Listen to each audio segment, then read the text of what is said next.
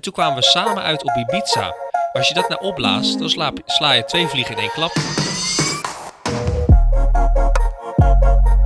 Het volgende stukje tekst eh, gaat over klimaat. Alsof we het daar al niet genoeg over hebben. Maar het gaat deze podcast vooral over oplossingsgericht denken. Kijk, out of the box. Marcel Levy eh, is de nieuwe directeur van het NWO. Waar staat NWO voor? Nieuwe wetenschapsonderzoek. Ja, wellicht. Ik ga even, eh, toch even zoeken. Ja, dat hadden we natuurlijk van tevoren moeten doen. Maar NWO. Nederlandse Organisatie Wetenschappelijk Onderzoek. nou, dan zou ik toch dicht in de buurt. Dicht in de buurt, dicht in de buurt.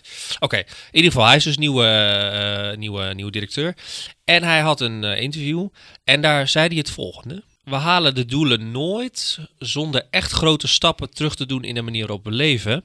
En dat gaat natuurlijk nooit gebeuren. Maar nu was ik op bezoek bij het Nederlands Instituut voor Onderzoek, Der Zee op Texel. Waar een onderzoeker me vertelde dat negen- 98,5% van al het koolzuurgas, wat voor CO2 zorgt, in de zee zit.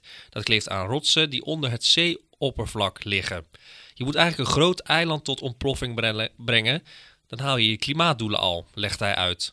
Want als je zo'n groot rotsblok in kleine brokstukjes kan doen veranderen, verdwijnt er meer koolzuur uit de atmosfeer.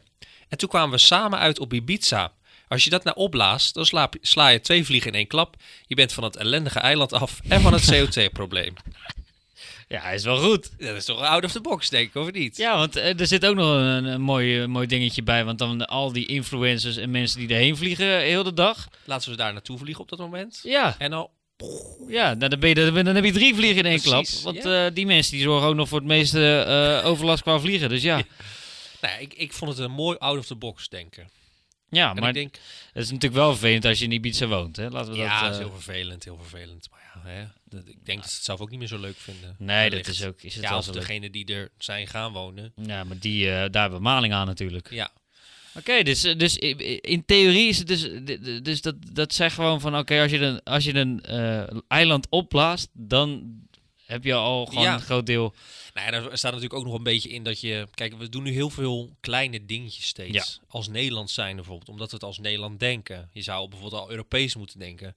Maar het, het weegt niet op tegen wat China doet natuurlijk. Dat hoor je ook vaak. Van ja, dan gaan wij als Nederland dat doen. En in China maken ze tien auto's per dag of zo, weet Ja. je wel? Of per minuut of per Nee, uur, weet ik veel. Amerika, China. Nou, ja, dat, dat is natuurlijk wel een terechte gedachte, toch? Dat je denkt van ja, tuurlijk, je zou alles moeten doen wat je kan. Maar als je dan gaat denken, ja, dan moeten wij de kleine dingetjes doen. Ik heb, ook, het gas af. ik heb hier toevallig laatst een, eh, een video van gezien. Ja.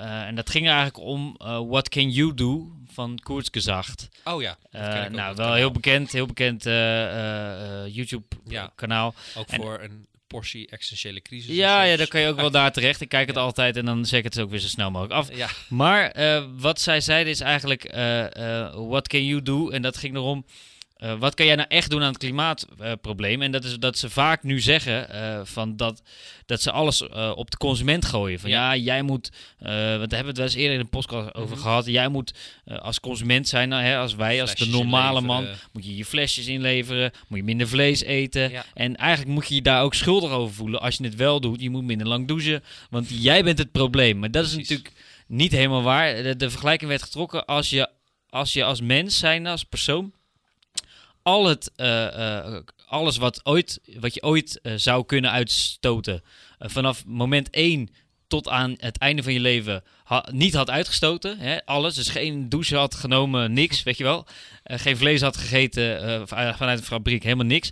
Dan had je eh, nog steeds minder dan 1% van, de hele, eh, van het hele probleem opgelost. Dus- je had zo weinig Ja, opgelost, dat, dat maakte eigenlijk helemaal niks uit. Ja. En het probleem, wat, wat zij zeiden, dus dat, dat je eigenlijk, eh, eh, wat, je, wat je wel kan doen, is, is dus stemmen. Je moet goed kunnen stemmen.